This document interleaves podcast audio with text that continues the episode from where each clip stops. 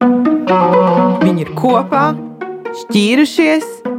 Kad es stāstīju terapeitei to mūsu kopdzīves gājumu, tad es sapratu, cik ļoti viņš tāds īstenībā klasisks. Nu, viss ir tik ļoti pareizi. Pirmkārt, tā bija prasība, ka, ja es Nē. neiešu bērnu kopšanas atvaļinājumā, tad nedzemdēs.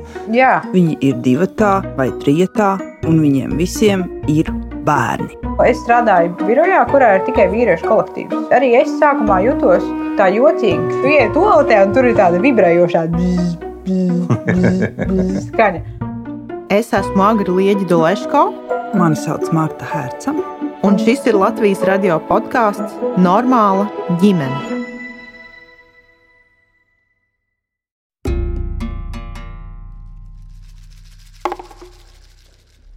Šīs sarunas nosaukums ir 50 uz 50. Ruta ir arhitekte un Māris ir ārsts. Abiem šajā karjeras posmā bija svarīgi ilgu laiku neizkrist no aprites. Viņiem ir maza meitiņa, Līna. Ruta un Māris bērnu kopšanas atvaļinājumu dalīja. Un tāds bija arī Rutas nosacījums tam, lai viņiem vispār būtu bērni. Klausāmies! Tas bāzes stāsts ir tāds, ka mēs satikāmies bārā. Bārā, jaunajā gadā. Jaunajā gadā bārā. Jā. Un, uh, tur bija tā, ka sākumā mēs katrs bijām citā kompānijā. Bija tāds bārs, Ēlava Jogrāk. Mēs tur ar draugiem devāmies uz turieni. Pēc 12. tas bija. Un mēs sēžamies pie galda, un man kaut kas saka, ka vajag atstāt vienu vietu, jo nāks kaut kāds māris vēl. Un man liekas, nu, tāda ņemšanās. Taču apsēdīsies, nu, sasēdīsies. Vajadzēs paņemt vienu krēslu, paņemt vienu krēslu, saspiedīsies kopā. Nu, kaut ko jau izdomās. Un man saka, ka ne, tā nevarēs tik viegli saspiesties. Es domāju, izdomājuši, kā sarežģīt vienkāršu lietu. Atnāk barā vēl viens cilvēks, viņš kaut kā piesēžās vienmēr klāt. Un tad, kad atnāca Māris, tad es sapratu, ka veci nevar tā saspiesties. Jo Māris ir 2,6 cm garš, liels, liels garš vīrietis, kurš nevar iespiesties jebkur. Jā. Tad eh, tā mēs pirmo reizi iepazināmies, nobalējām jau no kāda nakti.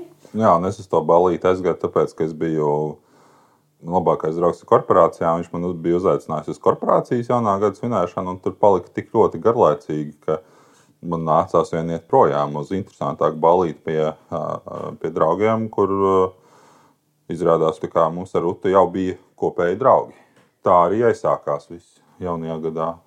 Mēs domāju, ļoti ātri Sākām dzīvot kopā. Es domāju, ka daži mēneši. Nu, ja mēs iepazināmies es domāju. 1. janvārī, var teikt, tad, man liekas, vasarā es jau ievācos tevis īrētajā Tallinsils dzīvoklī. Jā. Un tā arī tas viss aizgāja. Tagad, skatoties, man liekas, ka, ja mēs varējām sadzīvot 27 vai 29 28. vai 28 kvadrātmetru dzīvoklī, tad man liekas, ka tas ir arī kaut kāds tāds, nu, tāda laba dzīve, ka mēs varbūt ka varam sadzīvot. Jā. Jo, jo tur mums izdevās ar to menedžmentu. Protams, ka ne, nu, visās attiecībās ir jautājumi, par kuriem ir jārunā, bet mums par viņiem izdevās runāt. Man liekas, man šķiet, ka jau tad kaut kādā mērā, jā, kaut ko jau tur sevi kaut ko jau nerunā, bet, mm. bet tomēr vairāk mēs runājam nekā nerunājam par jautājumiem, kas mums katru individuāli varbūt satrauc. Man šķiet, ka tas mums ir palīdzējis tikt tur, kur mēs esam šodien. Jā, un tad un arī tagad, man liekas, nu, ir kaut kāda nezinu, globāla problēma, kas mūs skar gan kā pāri, gan individuāli cilvēks, tad mēs par to runājam savā starpā. Jā. Ja vajag. Jā. Gan kas ir vienkārši, nu, tur, nezinu, par darba dzīvi vai vēl kaut ko, gan arī par Par, to par pašu finansēm, bērnkopību. Bērnkopību, mentāliem jautājumiem. Jā. Jebko, kas mūs satrauc. Kad neviena no problēmām nav mūsu individuāla problēma.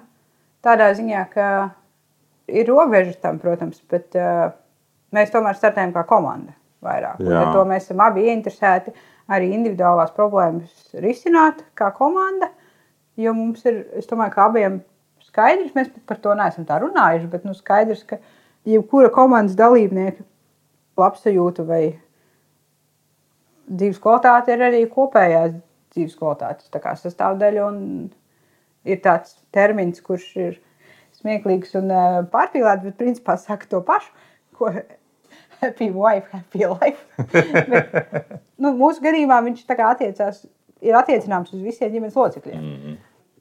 Nē, droši vien, ka jāsāk ar to, ka pēc cik pēc trīs gadu kopdzīves es, Jā. man liekas, tev bildināju, mēs Jā. apprecējāmies, un man liekas, ka...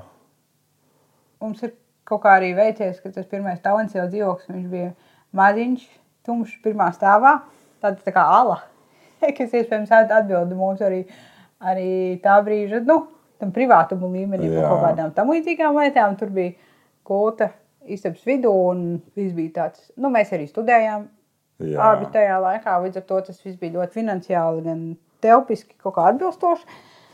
Un tad lēnā garā mums, eh, mēs paši attīstījāmies tajās attiecībās. Tā skaitā 18. gadā apprecējāmies, un arī auga ienākuma. Nu, mēs beidzām tā kā skolas, un nu, kaut kāda darbi nomainījās, un nāca klāt kaut kāda darbiņa un kaut kādas izmaiņas. Es domāju, tāpēc arī tā laulība, ka mēs jutāmies aizvien stabilāki gan dzīvē, mm. kā indivīdi, gan kopā kā pāris. Tāda tā kā bērnības trauma ir. Man nebija jādzīvo ļoti lielā nabadzībā, bet tomēr man bija tā sajūta bērnībā, ka naudas ir mazāk nekā es būtu gribējis, lai viņi ir. Es tur tādus piemērus varbūt daudz neminēšu, bet es nāku no mākslinieku ģimenes. Un, Līdz ar to mums bija ļoti neregulāri ienākumi. Un bija periodi, kad nauda bija, bija un viņas bija pietiekami daudz, un viņas bija daudz, varētu teikt. Un tad bija periodi, kuros viņi bija nepietiekami.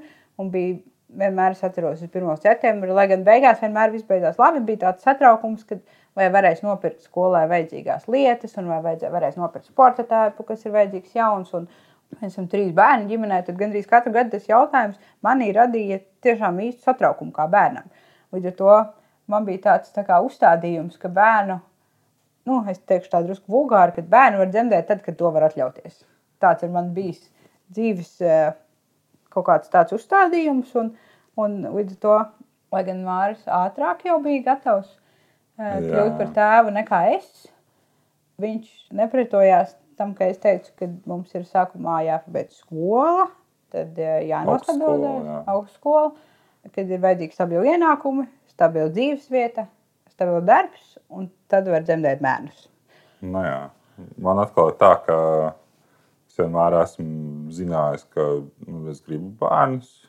Un es vienmēr esmu zinājis, ka es arī gribu būt iesaistīts tēvs. Tas gan man sakņojās no tā, ka man, man vecāki izšķīrās ļoti agrā manā vecumā. Es pat īsti nezinu, kad, bet nu, man noteikti nebija vairāk par nu, dažiem gadiem.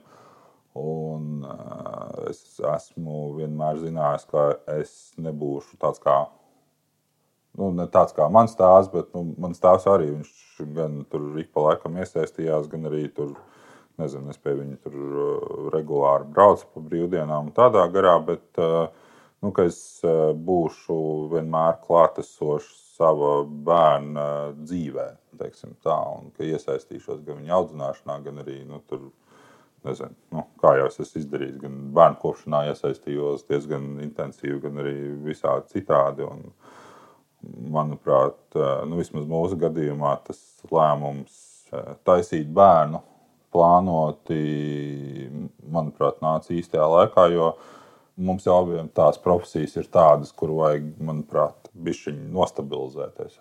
Rūta ir arhitekts, es esmu ārsts, un, un mums abiem ir svarīgi iegūt eh, vismaz tos papīrus augstākās izglītības, lai varētu strādāt. 19. gadā izdomājām, ka nu, ir laiks pienācis papildināt ģimeni. Mēs arī bijām tieši procesā par dzīvokļu iegādi. Jā. Līdz ar to vispār tāds diezgan. Es atceros, kad es stāstīju. Es to pārtraucu? Nē, nē. nē. Uh, es stāstīju, es, tad, kad es biju stāvoklī, es gāju uz terapiju. Un es atceros, kad es stāstīju tai terapeitei to mūsu kaut kādu gājumu, un to kopdzīves gājumu, un visu to. Un, un tad es sapratu, cik ļoti viņš tāds īstenībā klasisks. Nu, viss ir tik ļoti pareizi. Tu pabeidz skolu, Tad tu satiec, tad tu sāc dzīvot kopā, tad tu izmēģini, tad tu pabeidzi sakārto visas tās lietas, tad tu nobeidz māju, tad tu nu, vai dzīvokli mūsu gadījumā, bet, nu, principā nemaināt. Un tad tu paliec stāvoklī, viss tā kā pēc tāda iepriekš izstrādāta kaut kāda scenārija, kas nav, nu, es to nevis, nevis tā kā labi vai slikti, bet, bet tādā ziņā, ka iespējams, ka no malas tas pat liekas. Pilnīgi parasti. Nu, jā, tā, nu, kas tā arī ir? Pilnīgi parasti. Nu, Idila, garlaicība. Garlā, tāda, jā. garlaicīgi. Un, zināmā mērā, nu, man vismaz tas bija varbūt vajadzīgs, lai tas notiek tā, jo man likās, ka tā es eh, varēšu kontrolēt visu to pasākumu. Būs viss ļoti paredzami. Es arī diezgan ļoti plānoju uz priekšu ko līdz ar ko man. Stabilitāte ir tāda, jā. ko, viena no mūsu kopējām vērtībām. Jā. Diezgan droši var teikt, kā ģimenei. Nu jā, un tad sanāca tā, ka mēs bijām ievākušies jaunā dzīvoklī, kur bija diezgan pabeigts remonts dzīvošanai. Jā, ar dažām kaut kādām detaļām. Jā. Manas istaba nebija sakārtot. Un kas? Un tad piedzima meitiņa. 20. gada maijā piedzima Līna. Tā grūtniecība, man liekas, pagāja diezgan mierīgi. To, nu, cik tur mēnesis vai pat divas nedēļas pirms dzemdībām brauc ar riteni. Un, Brauc ar riteni un, un tu, tu, man liekas, arī strādāt. strādāji arī. Diezgan ilgi. Ir plaši pieejama informācija par to, kā notiek dzemdības Latvijā. Tā Jā. arī notika. Kā saka, viss pēc, viss pēc ier, ierastās prakses. Arī ar visu to, ka mēs bijām. Ka man pat paredzēju kaut kādā Jā. mērā to, jo es biju mums vardarbības stāstus, un mēs bijām kā, es- kā ska sagatavojušies. Jā, gan līguma vecmāte, gan vispārējais. Bet, nu, Gan ārsts, mākslinieks, Jā. kā liels un vārdens. Un es pat teiktu, nu, es negribu teikt būdīgs, bet kā tu Jā, sev raksturot? Nu, tā kā tu neesi tāds kalkām vairs. es esmu liels. Tu esi liels. Tā kā Jā. tiešām nu, tāds liels vīrietis līdz ar to.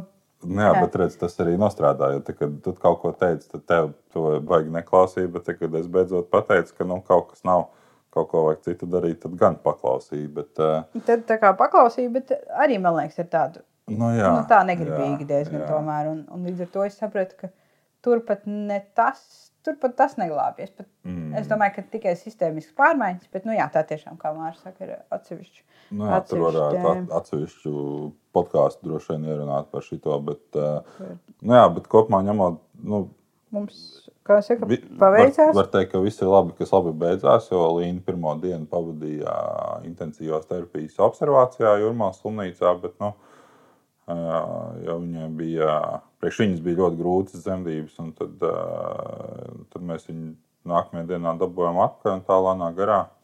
Viss bija labi. Par laimi, tagad ir trīsgadniece ar visām no tā izrietošajām sakām, ar savu raksturu un visu pārējo. Un, Robežu testēšanu un visu oh, oh, jā, jā, jā, jā, jā, jā. Un, Tā kā tā. nu, jā, droši vien, kas vēl ir tāds, ko, par ko mēs varam izstāstīt, tas droši vien lēmums par to, kā mēs, kā mēs dalīsim šo Ah, jā. bērnu kopšanas atvaļinājumu. Kas bija īstenībā arī it, it kā jau nekas tāds, uh, nezinu, neviens nebija ne jāpierunā neko, bet nu, mēs arī normālā sarunu ceļā. Jā, Nē, nē, nu, labi, pirmkārt, tā bija prasība, ka, ja, ja es Nē. neiešu bērnu kopšanas atvaļinājumā, tad tu nedzemdēsi. jā, jā, jā. pilnīgi. Uh, bet, uh, bet, Stāv pie šīs prasības. Bet tā, manuprāt, ir uh, mūsdienās diezgan adekvāta prasība. Jo nu, nevar, manuprāt, līdz galam viens vecāks iznest visu bērnkopības nastu uz saviem pleciem. Tāpēc jau ir divi vecāki. Skaidrs, ka Nu, es pat teiktu, ka ne tikai nu, tādā ziņā, ka nevar arī visu maisainīcības nastu iznest. Ne, nu, jā, jā, nu- Vecāks uz tiem otriem pasiem. Nu, līdz ar to ir ģimenē mūsdienu prasību gan uz dzīves kvalitāti, gan uz izglītības kvalitāti, uz daudz visādiem aspektiem. Kaut vai uz telefona kameras kvalitāti. Es pat teiktu tik triviālās lietās. Es domāju, ka mūsdienās vairumam vidējo ienākumu pārstāvju, es teiktu, diezgan droši vidējo vai zemāko, nu, tā kā zemāka līmeņa. nepieciešami abi strādājoši vecāki. Ir, jā, vismaz mums ir par to bijusi vienošanās, ka Jā. neviens no vecākiem nevar upurēt, viņam nav jāupurē sava dzīve un sava karjera tam dēļ, lai audzinātu bērnus. Jā, Bērni tādā vai šādā mērā aug paši. Viņiem jāpalīdz, bet viņi Mhm. tomēr aug paši.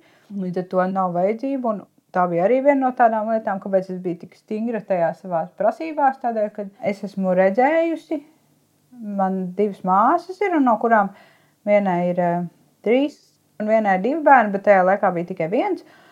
Es to redzēju kā tādu izkrišanu no profesionālās aprites. Un tā izkrišana bija ilgstoša, viņa bija gadiem.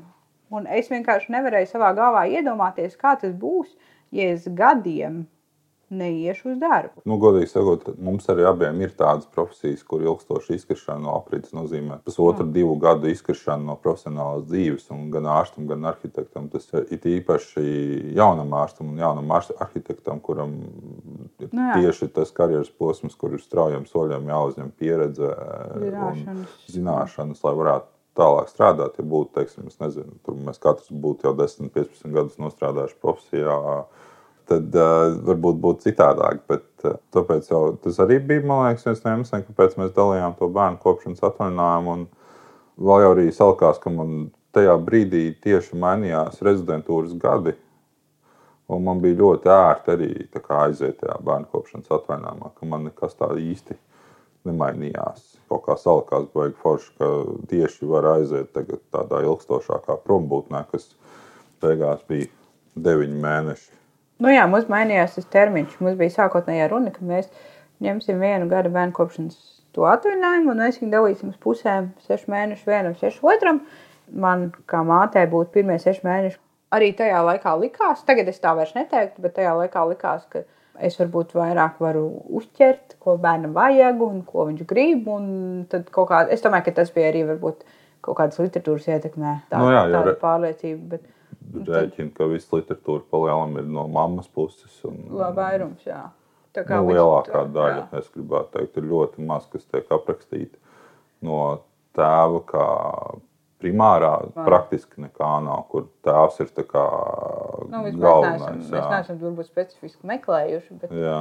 vismaz es neesmu. Bet, bet nu jā, pamatīdēja jau tāda ir, un tas ir tas, kas mums ir arī sociāli audzināts, mm. ka tomēr māte ir atbildīga. Mm. Un tēvs ir kā tas atbalsta personāls bērnu kopībā, un principā gribējās ar to. Ar šo uzstādījumu cīnīties, nu, kaut, Jā. nu, ne cīnīties, nu, nevis tā ar ieročiem, bet nu, tomēr pierādīt, ka ir savādāk, tad tomēr zemapziņā jau ir iestrādāta tās tā atbildība. Es teiktu, ka viņi ir iestrādāti man kā mātei diezgan lielā mērā. Un plus, es kā, kā cilvēks neesmu pārāk labi uzdevumu deleģētāji. Tagad es kļūstu aizvien labāk, un es to mācos, bet tajā posmā bija mazāk zināšanas par to, kā deleģēt uzdevumus citiem. Līdz ar to liekas, ka viss ir tāds teiciens, ja gribi ko izdarīt labi, dari to pats. Mm. Un es pēc šī teiciena esmu dzīvojis diezgan daudz savā dzīvē, un tas arī apgrūtina patiesībā to bērnu kopības dalīšanu, tāpēc, ka tev liekas, ka nu, es jau labāk zinu, kā tas jādara. Bet Lai gan no pirmās dienas nevien, nu, Neviens neviens nezināja, neviens ko neko, nu, kā, tas ir arī īstenībā tas, ko vajadzētu liekas, kaut kādā mērā pieminēt. Ka nevajag satraukties, man, bija, man radās satraukums no tā, ka man likās, ka mēs tik ideāli esam visu saplānojuši kaut kādā mērā. Nu, mums pat, es pat teiktu, vairāk salikās nekā mēs varbūt tā plānojām. Ļoti, nu, kaut ko plānojām un kaut kas salikās, bet nu, kopumā tas iesākums līdz tai bērnu piedzimšanai viss bija tāds gluds un, eh, un atbilda mūsu vēlmēm un ekspektācijām. Un tajā mirklī, kad bija bērns, tad uh, pēkšņi nekam vairs nebija laika, nekam vairs nebija spēka. Nu, pilnīgi bija tāda sajūta, ka priekš kam visa tā gatavošanās, ja tāpat tu neko nesaproti beigās. Jo man tas bija ļoti izteikti.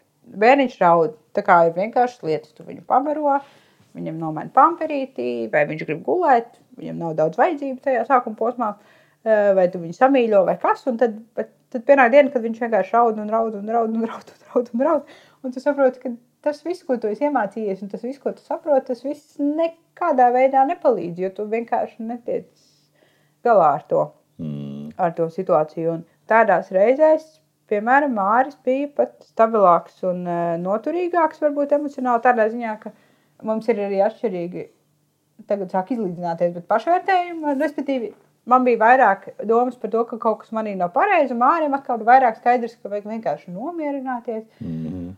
samīļot to bērniņu, un viss būs labi. Un tajā brīdī tas bija vienkārši ideāli. Mums Man, tam nu, jā, tie ieaudzinātie stereotipi jau ir vaiprātīgi.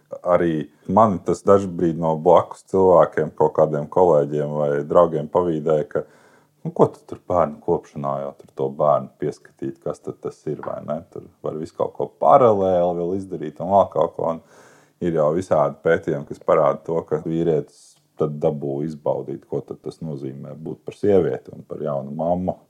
Nu, tikai nu, jauns tēvs ko Nu jā, jo- nozīmē visu dienu parūpēties par bērnu, paralēli pagatavot tēstu, sakot, māju, tad vēl bez mazā ir tāds slepenais pienākums paspēt izdarīt vēl kaut ko. Jā, jā jo, jo citi var. Jo citi var. Jo citi redz, paspēja vēl augstskolā izmācīties, Jā. un to izdarīt, un šito izdarīt. Un... Jā, Jā. Lai, gan, ir- lai gan teorētiski to var. Teorētiski var, bet nu, kaut kas ir jāupurē.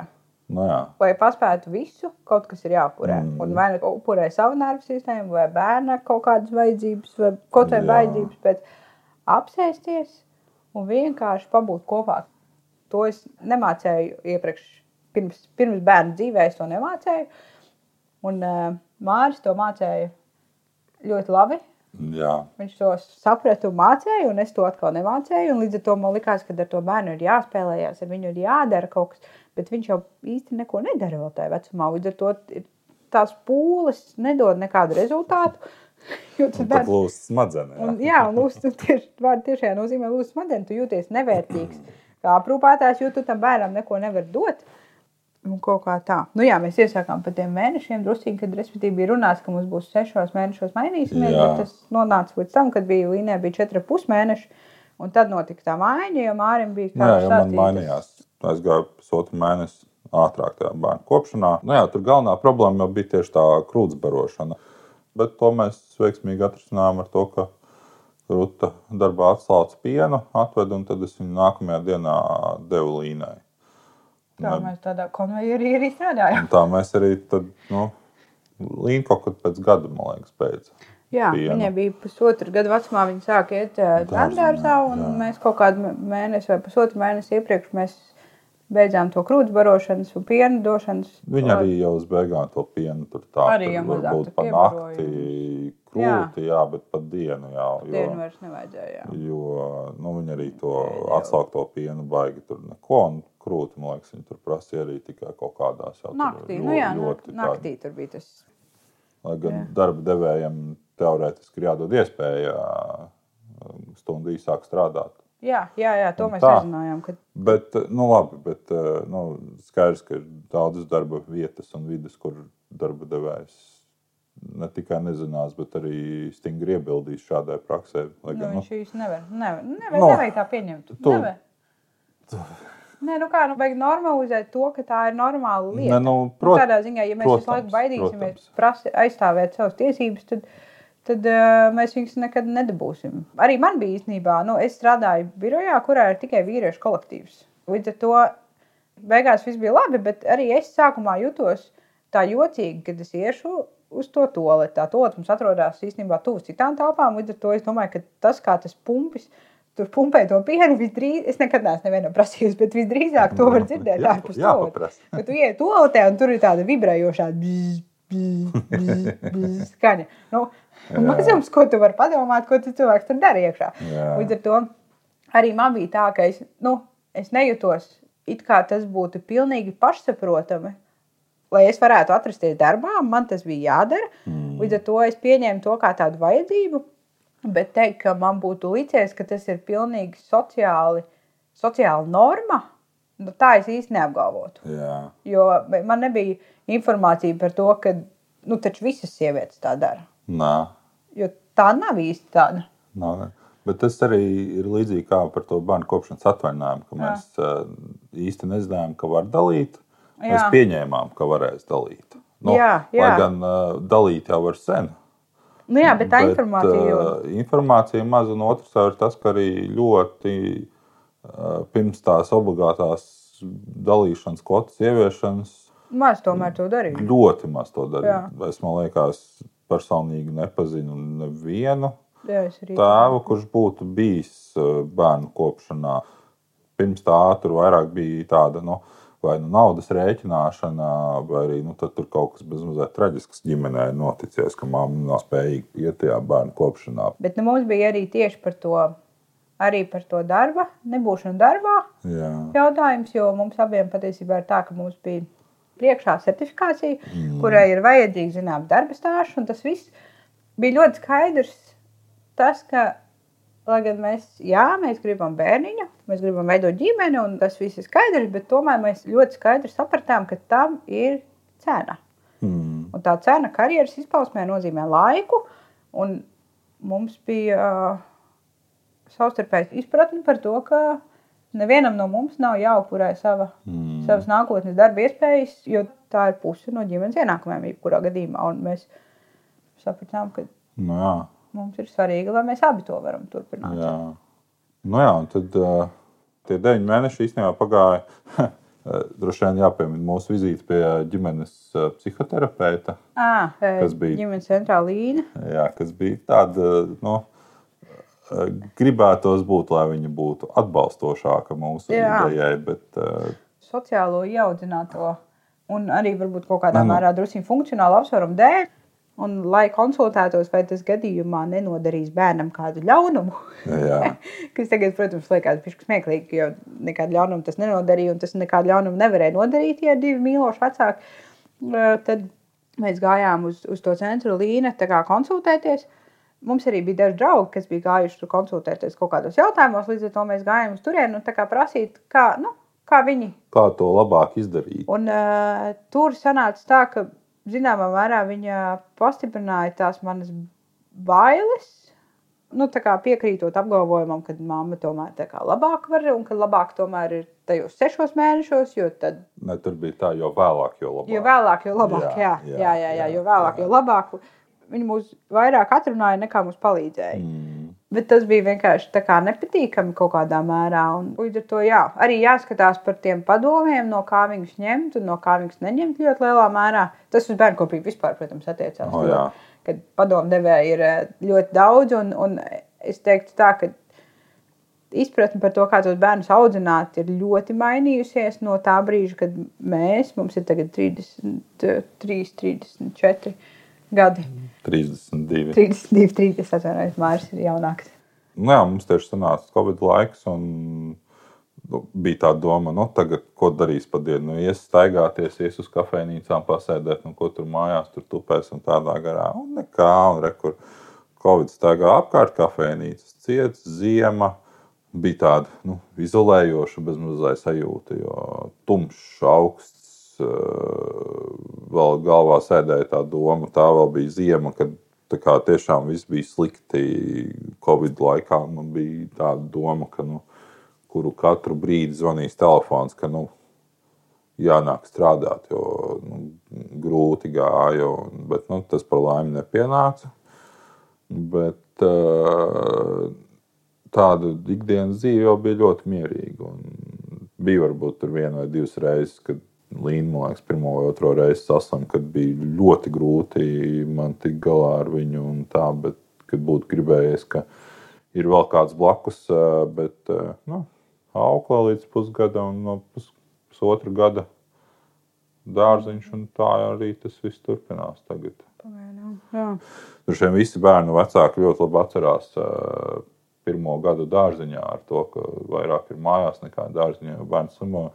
Mums tas bērnu kopšanas atvainājums ievies uh, tā, tādu korekciju, ka mēs dalām slimības lapas, kur uh, nu, tā pamatā ņemam pamīšus, uh, kad neuzkarās neviens no mums būt mājās visu laiku ar bērnu. Un, Nu jā, mēs īstenībā patiesībā gan par, par slimības lapām, gan par citiem pienākumiem esam runājuši. un Tie pienākumi ir arī šajā jomā viss ir dalīts un kopējs, un tā ir visa ir kopēja atbildība. mm, Ja viens gatavo ēst, tad otrs mazgā drēbes. Nu, kaut, kādas, kaut kāda pienākuma, kā pienākuma sadala bija ļoti interesanti. Es domāju, ka viņi pat var atrast internetā, varbūt kad atsevišķi, bet vispār varētu arī rekomendēt. Bija tā biedrības tēva, tie kursi, kur tu gāji. ah, nu jā, jā. Vien, viens no tiem, tur bija, tajos kursos bija dažādi visādi uzdevumi, ko, par ko Mārcis vai zina vairāk, jo viņš viņos gāja, bet viens bija uzdevums abiem ab, pārim, kur bija dažādi ikdienas mājasēniecības un bērnkopības pienākumi un bija jāatzīmē, Kurš ko dara? Kurš ko dara. Un, eh, kas bija ļoti forši sajūta, bija tāda, ka mēs katrs viņu pildījām atsevišķi, bet mēs viņu aizpildījām diezgan līdzīgi. Un Mums tie pienākumi ļoti daudz kur tā kā, nu, līdzvērtīgi sadalījās. Jā, ka mēs, Un, tas interesantais bija tas, ka mēs abi apzinājāmies, ka mēs abi darām gandrīz visus darbus, ko mm. viens dara drusku vairāk, un otrs dara varbūt drusku mazāk. Nu, pieņemsim, abi gatavo ēst, biežāk gatavo ēst māris, bet arī dažreiz gatavo ēst rūta. Jā. Vai otrādi, piemēram, veļas mazgāšana, lielākoties veļas mazgāšana veids rūta, bet dažreiz, kad ir vajadzība, tad to dara arī māris vai izkārts vai, vai Jā, kaut ko tādu. jā. Un, un tas ir tas, ko Mārcis iesāka teikt par to mankopības dalīšanu, kad tas, ko man gribētu teikt, ka tas palielina empātiju viena pret otru, ka tu tiešām saproti, kam tas otrs cilvēks iet cauri, un tu tiešām saproti, ka tas nu, arī dažreiz fiziski grūti, bet psiholoģiski tas process ir grūts. Nu, jā, un uh, atgriežoties pie līdzvērtīgās pienākumu sadalas, Jā. mēs, uh, tas bija, kad mums īstenībā dzīve var sadalīt tādos nu, bezmazliet dzīvokļos, kuros mēs esam dzīvojuši. Bet uh, mēs uh, īsu brīdi dzīvojām vienā dzīvoklī klusajā centrā, tur bija viens. Tā sakot, noteikums tā dzīvokļa īrē, ka mums ir jāturpina ņemt kā apkopēji tam dzīvoklim, kas jau iepriekš nu, kā, zin, gāja. Un es atceros, ka mūsu kā, kopdzīvi bez mazliet var sadalīt pirms apkopējas un pēc. Jo es atceros, ka pirms mums bija tā, ka mēs ļoti bieži, kā biežākais strīda iemesls bija par to, kurš kad tīrīs māju, vai ka nav iztīrīta kārtīgi, tā kā vajag, vai vēl kaut kā. Nu, ka, nu, un, eh, un tad, kad eh, teiksim, tā, tas, ko es gribu pateikt, ja vien ir iespēja, eh, viens no primāriem laulības saglabāšanas eh, tā kā palīga līdzekļiem ir, ja vien ir finansiāli iespēja, ņemiet apkopēju savam dzīvoklim, jo tas pirmkārt pašiem atbrīvo tik daudz laika, jo nu, neviens, neviens pats nevar iztīrīt tik īsā laikā dzīvokli tik labi, kā to izdara apkopēji. Galu galā tas nu, kā, uh, ierēķinot visus plusus, mīnus, tas tāpat sanāk izdevīgāk nekā pašam tērēt pusdienu to visu darīt. Un, un izbeidzās viss, pilnīgi visi savstarpējie strīdi par to, kurš tīrīs, kad tīrīs, kā tīrīs, ko tīrīs. Jā, nu, jā mums bija tīrīs grafika, un- ka katram vienu nedēļu vienam jātīra, Jā. vienu nedēļu otram jātīra. Bet, bet, Vienmēr kaut kas vienmēr notikās, kaut kas notika, tad kaut bija kaut kāds balīts, vai nevarējās, vai negribējās, vai Jā. atšķirīgas izpratne par to, ko nozīmē tīrs. Jo Jā. tas pilnīgi noteikti daudziem cilvēkiem ir ļoti atšķirīgs, Jā. kas, cik tālu putekļsūcējs ir jāiebrauc stūrī vai zem gultas. Vai Jā, kaut kur citur. Bet mums tiešām mūsu sadzīvē tā tīrīšana bija tiešām īsta problēma. Jā. Es domāju, ka mēs nesēdētu šeit uz šī divāna divatā un bērns vēl dārziņā, ja, ja mēs šo problēmu nebūtu atrisinājuši. Nu jā, tā mēs arī uh, turpinām virzīties pa dzīvi. Vienlīdzība bērnu audzināšanā jau turpinās. Jo, nu, pie doktora var aizvest jebkurš. Pie, Jā. Vispār, nu, kur vajag, tur var aizvest jebkurš, jebkurā brīdī, kad vajag pārslēgties uh, viens no otra. Un pats galvenais jau ir tas, ka Līna jūtās droši un var pavadīt ilgstošu laiku ar jebkuru no vecākiem. Mm. Tā kā viena, ka nav tur Nē, mammai jāsatraucās, kā nu, tur būs ar to tēti tagad, vai tētim jāsatraucās kaut kas, vai nu, vēl sazina, kas. Jo tur jau tā vienlīdzība, kas iet cauri mūsu attiecībām, ir diezgan, nu, es nezinu, ļauj mierīgāk dzīvot, teiksim tā. Kur, uh, ja, ja tādas nebūtu, nu, mēs droši vien nebūtu vairāk kopā. Jo, Nu, šen, es domāju, ka tas vienam vai otram būtu ne, neiz, jā, ne, ne, nevajag. Nu, ne, nevajag. Nu, tā kā neizturam tādā ziņā, ka tas vienkārši nav vajadzīgs. Es, ne, es jā. uzskatu, ka mūsdienās tas vairs nav. Nevienam nav jāpakļaujas otra kaut kādai tādai iegribē vai vajadzībām. Bērnam augot, mm. mainās tie pienākumi attiecībā uz bērnu. Tagad ir tā, ka bērns ir lielāks, viņam vajag vairāk kaut kādas aktivitātes, jāiet ar viņu ārā, jābrauc arī kaut kādos, eh, nu, eh, kaut kādās ekskursijās vai kaut kas ir. Kaut kas ir izbraucienos, un ir, ir visādas jaunas lietas, kas iepriekš nav bijušas. un Es atļaušos teikt, ka primāri viņas tā dabīgi vai nedabīgi sociāli nosēžās uz, tā, uz tiem mammas pleciem. Mm. Nu, tā kā viņi tā no, nogūstās uz maniem pleciem, un tad es Mārim tieši kaut kad teicu, ka, jau klausies, mans pienākuma apjoms šobrīd ir pieaudzis jau pa daudz. Un arī tas uh, bērnkopības paradoks, kur uh, ir uzskats, ka nu, tas tēvs iesaistīsies Jā. vecākā. Vecākā vecumā, Vecumā, jā. kur, tad, kad ā, bumbu sāks spēlēt. Un, Jā, tagad Līnā ir tāds vecums, un uh, nu, vēl joprojām pastāv tas uzskats, ka mamma ir primārais. Bet tas tā galīgi nestrādā. Jo, nevienam nekļūst vairāk laika. Nu, jā, tur jau tā lieta, ka un tās, un ir jāiedibina tā tradīcija, Jā, ka to visu, ka tos pienākumus dala, jo tad viņi pati no sevis nenotiks. Principā es teiktu tā, neviens neceļ roku un pats no sevis nesaka, ev, man ir pārāk daudz brīvā laika, iedod man kaut ko padarīt.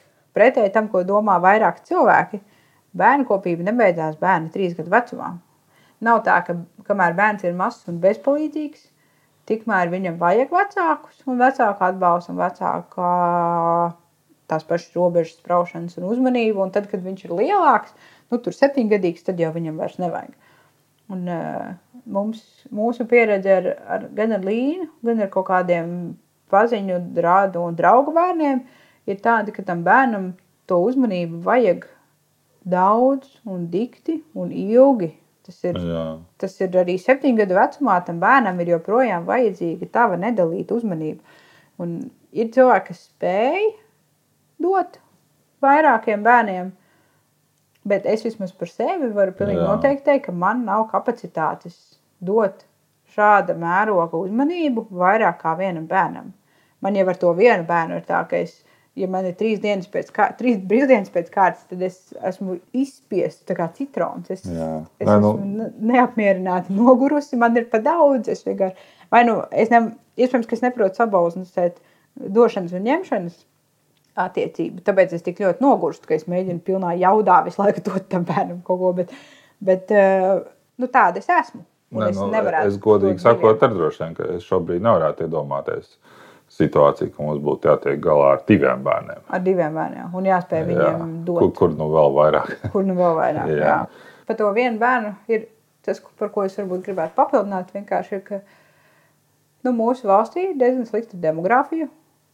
Eh, Un diezgan slikti ar demogrāfiju daudzos aspektos. Viens no tiem ir tas, cik bērni piedzimst katru gadu. Katrā ģimenē, un otrs, ko, kas manuprāt ir tieši tikpat svarīgs, ir par to, cik cilvēki aizbrauc prom vai cik cilvēki nevēlas uz šejienes braukt kaut kādu citu sociālu apsvērumu dēļ. Vai tā ir nevienlīdzība, neiecietība, ekonomiski vai sociāli apsvērumi. Un primāri es uz sevi esmu jutusi to spiedienu gan no līdzcilvēkiem, gan no tādas sabiedrības, ka trīs bērnus jau nu, vajadzētu.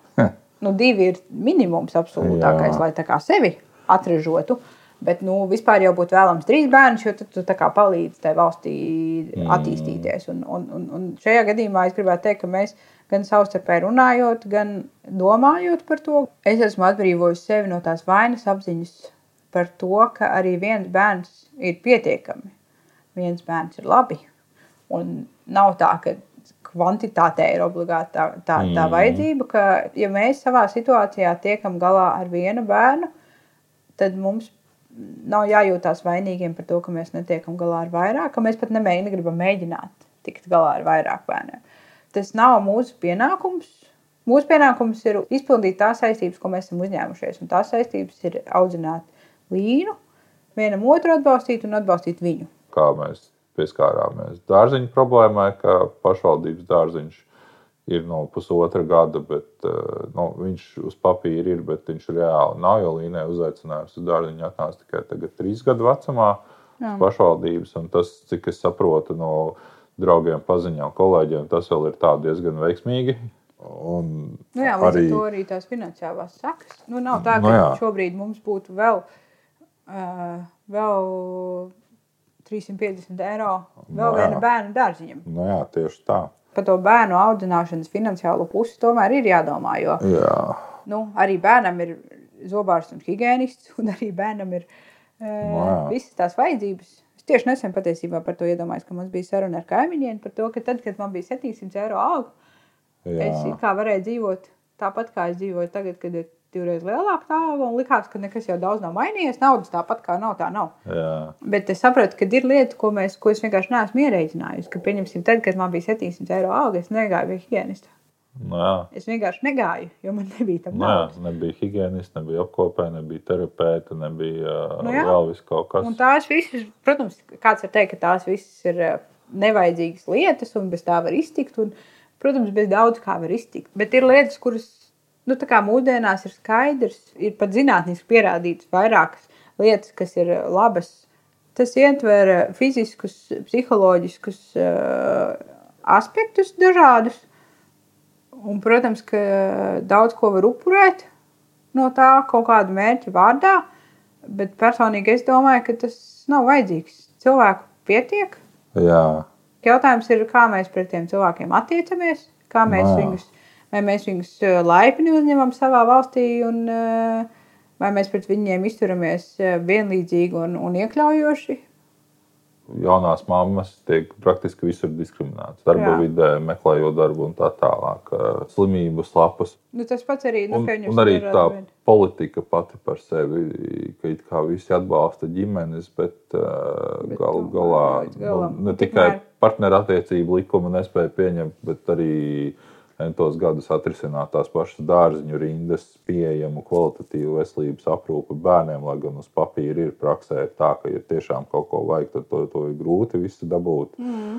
Tas ir jautājums, kāpēc viens? Jā, Jo vienam bērnam, tu, es redzu, ka vienam bērnam mēs varam nodrošināt Jā. to, ko mēs uzskatām par vajadzīgu, bet vairākiem bērniem es neredzu, ka mēs varam to nodrošināt. vienalga, ko citi domā, kas ir daudz vai maz, es neredzu, ka mēs to varētu izdarīt. Nu, kur es redzu to problēmu tajā, ka mēs kā sabiedrība nerūpējamies par tiem cilvēkiem, kas mums ir. Tāpēc, kad man personīgi ir zināmi vairāk cilvēki, kas nedzīvo Latvijā tādēļ, ka mūsu sabiedrība nav iekļaujoša. Tādēļ, ka viņi nejūtās ērti un brīvi mūsu mm. sabiedrībā. Un ļoti daudz cilvēku nedomā par to, ka viņš var būt pret visu kaut ko. Viņš var būt pret gejiem, un pret uh, imigrantiem un pret tādiem un savādākiem. Bet, ja viņam piedzimst bērniņš, kurš ir neiekļaujās mūsu sabiedrības iedomātajos normalitātes rāmjos, tad arī viņam būs jābrauc prom no šejienes. Mm. Jo arī viņa bērniņu apsmies, ņirgāsies, nepieņems. Nerunājot par vēl ekstrēmākām situācijām, kad ir fiziska un emocionāla vardarbība vēl smagākās formās. Nu, tas demogrāfijas jautājums nav jautājums par dzemdēšanu. Tas demogrāfijas jautājums, manuprāt, ir jautājums par sabiedrības empātijas līmeni un iekļaujošāku sabiedrību. Un, ja mēs varam sakārtot tos jautājumus, tad arī viņi ir saistīti. Man liekas, ka tie jautājumi. Nē, nu jā, tas jau ir jautājums par attieksmi. Ko mēs beigām varētu pateikt, ka, Cienīt vienam otru. nē, nu jā, ka mūsu ģimenes attiecības ir balstītas uz savstarpēju cieņu un vienlīdzību. Un ka, manuprāt, tas mums ir palīdzējis kļūt par eh, diezgan saskanīgu ģimeni, mm. kur eh, mēs, teiksim tā, nu, pa dzīvi ejam kopā pretī visām dzīves problēmām un lietām. Un, mm. Un, tas, manuprāt, mums arī palīdz būt par labākiem vecākiem un mūsu Labākiem partneriem. meitēm, labākiem partneriem vienam pret otru un gal galā arī labākiem sabiedrības locekļiem.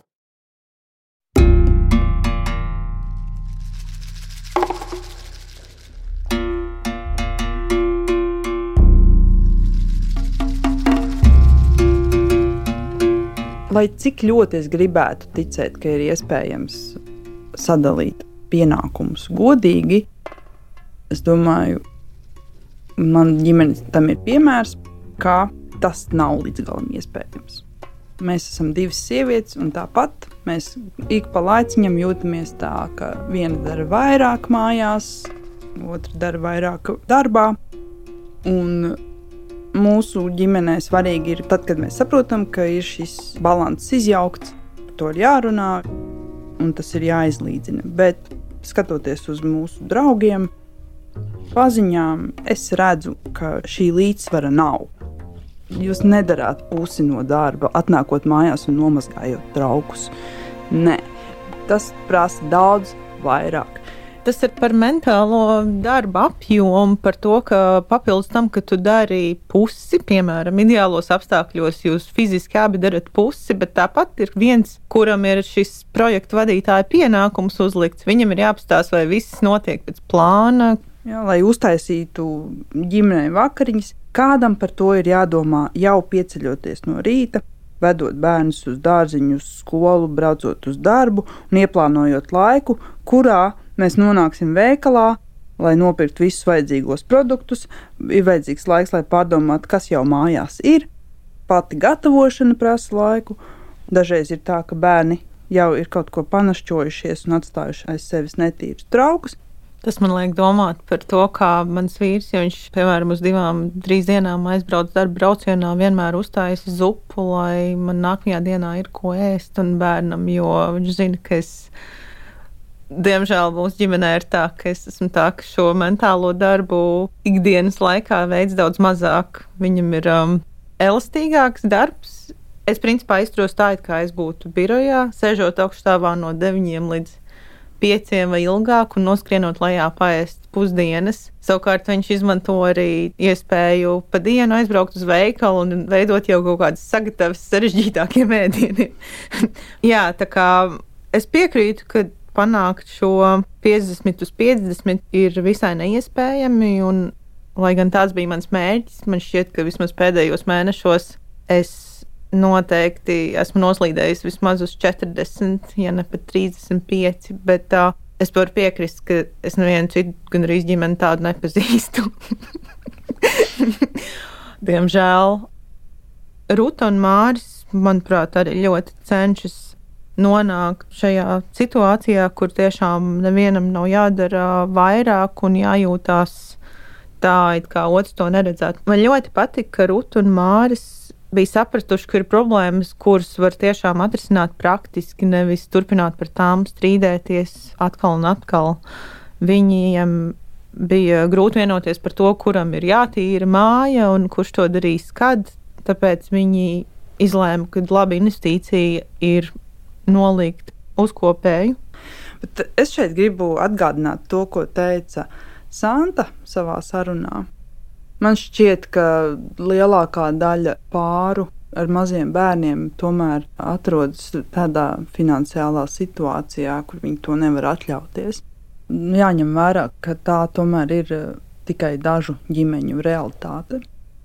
Bet noteikti bērnu kopšanas atvaļinājuma dalīšana var palīdzēt. Es esmu ļoti pārliecināta, ka neatkarīgi no ģimenes finansiālās situācijas tieši bērnu kopšanas atvaļinājuma dalīšana ir tas posms un tas lēmums, kas iezīmēs to, kā nākotnē ģimenē pēc bērna vai bērnu ienākšanas tiks organizēts darbs. Parasti sieviete ir tā, kas paliek mājās rūpēties par bērnu vismaz vienu vai pusotru gadu, kamēr vīrietis atgriežas darbā, un automātiski uz viņas pleciem tad nokļūst arī lielākā daļa visu pārējo ar māju saistīto pienākumu. Un, un tas ir vienkārši prakses jautājums. Tas ir tāpat kā teikt, ka tēvi nezina, kā rūpēties par bērniem. Neviens nezina, pirms viņi ir piedzimuši, un neviens nezina pirmajā dienā, kad tu viņu atved mājās no slimnīcas. Tas ir tikai un vienīgi prakses jautājums, un to var apgūt jebkurš. Un, ja viens to visu laiku dara, un otram nav iespējas praktizēties, tad skaidrs, ka šis viens kļūs gan par ekspertu, gan par ķīlnieku tam, ka viņam šis darbs būs jādara visu laiku. Tāpēc es šo bērnkopšanas atvaļinājumu dalīšanu uzskatu par tādu vienu no svarīgākajiem soļiem ceļā uz līdztiesību, kas ir saistīta ne tikai ar bērnu aprūpi, bet ar jebkādu darba dalīšanu un izpratni par to, ko dara otrs cilvēks tavā dzīvē, kamēr tu esi darbā.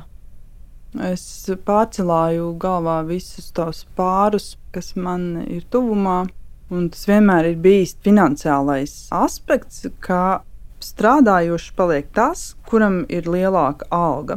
Es domāju, ka dažas pārmaiņas sabiedrībā var notikt tad, kad mainās likums. Bet man šķiet, ka ir svarīgi sev uzdot šajā kontekstā jautājumu, kāpēc sieviete vienmēr ir tā, kura ir šie mazākie ienākumi, kuru dēļ viņai vajadzētu palikt mājās. Tas ir jautājums, kurš, manuprāt, ir svarīgs, jo šīs likumdošanas pārmaiņas cenšas risināt lielākoties tieši šo diskrimināciju darba vidē, kur sievietes ir mazāk atalgotas, netiek paaugstinātas, uzņemas zemāk atalgotus darbus, kurus vieglāk ir apvienot ar dažādām krīzēm, kuras viņas zina, ka viņām būs jārisina, kur viņas varēs ātrāk iet prom, lai izņemtu bērnus no dārziņa, jo, protams, ka viņām tas ir jādara. Ja mēs skatāmies varbūt tiešām vienas ģimenes konkrētās situācijas ietvaros uz to, tad jā, šķiet loģiski pieņemt šādu lēmumu, bet, ja mēs gribam mainīt lietas ilgtermiņā, tad tur ir daudz dažādu apsvērumu. Labi Mēs tagad esam uzkarsušas. Es domāju, mēs esam gatavi nākamajai sarunai. Tā būs starp Ievu un Katrīnu. Viņas bija kopā astoņus gadus. Kad viņas sāka satikties, Ievai jau bija meitiņa, bet kad viņas beidza savu kopdzīvi, Katrīna nolēma, ka arī viņa vēlas dzemdēt. Klausāmies! Podkāstu normāli ģimene veido producente Ieva Zariņa, redaktore Justīna Savicka, fotogrāfs un videogrāfs Daniels Jofe, par vizuālo identitāti rūpējas Beāta Bērziņa, skaņu operātora Nora Mitspapa, skaņu režisors Ivo Tauriņš un idejas autors un podkāstu vadītājs esam mēs, Agri Lieģidu Leško un Marta Herce.